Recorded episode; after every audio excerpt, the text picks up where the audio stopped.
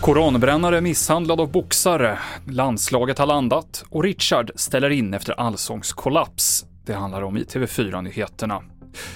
Den sjuksköterska i Storbritannien som befunnits skyldig till att ha mördat sju bebisar på en neonatalavdelning på ett sjukhus i England fick idag sitt straff och det blev livstids fängelse utan möjlighet till villkorlig frigivning.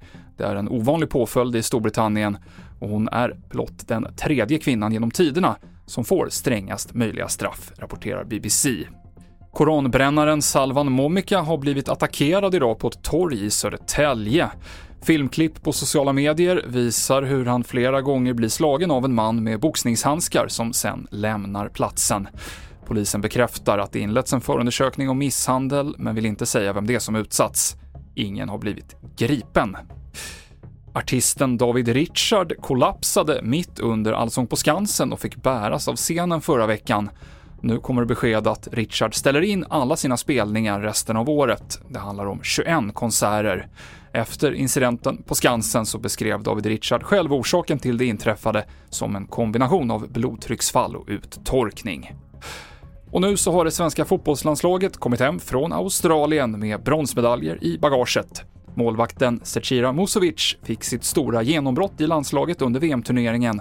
Så här säger hon om bronsmatchen. Vi hade en väldigt tuff semifinal mot ett bra Spanien, lyckades inte ta oss hela vägen till final. Vi drömde om en, om en guldmedalj såklart, men eh, någonstans så, så var det bara att ladda om rätt så snabbt. Vi visste att vi skulle möta hemmanationen och att de skulle ha ett otroligt tryck på, på läktarna.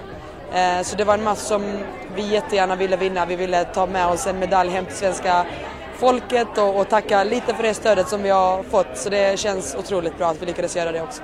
Sa Zecira Musovic och fler spelarintervjuer kan du hitta på tv4.se och på fotbollskanalen.se. Och det avslutar TV4-nyheterna med Mikael Klintevall.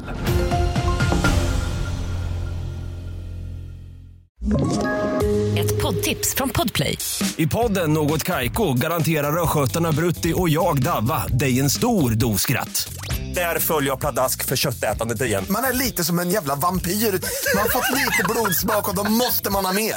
Udda spaningar, fängslande anekdoter och en och annan arg rant.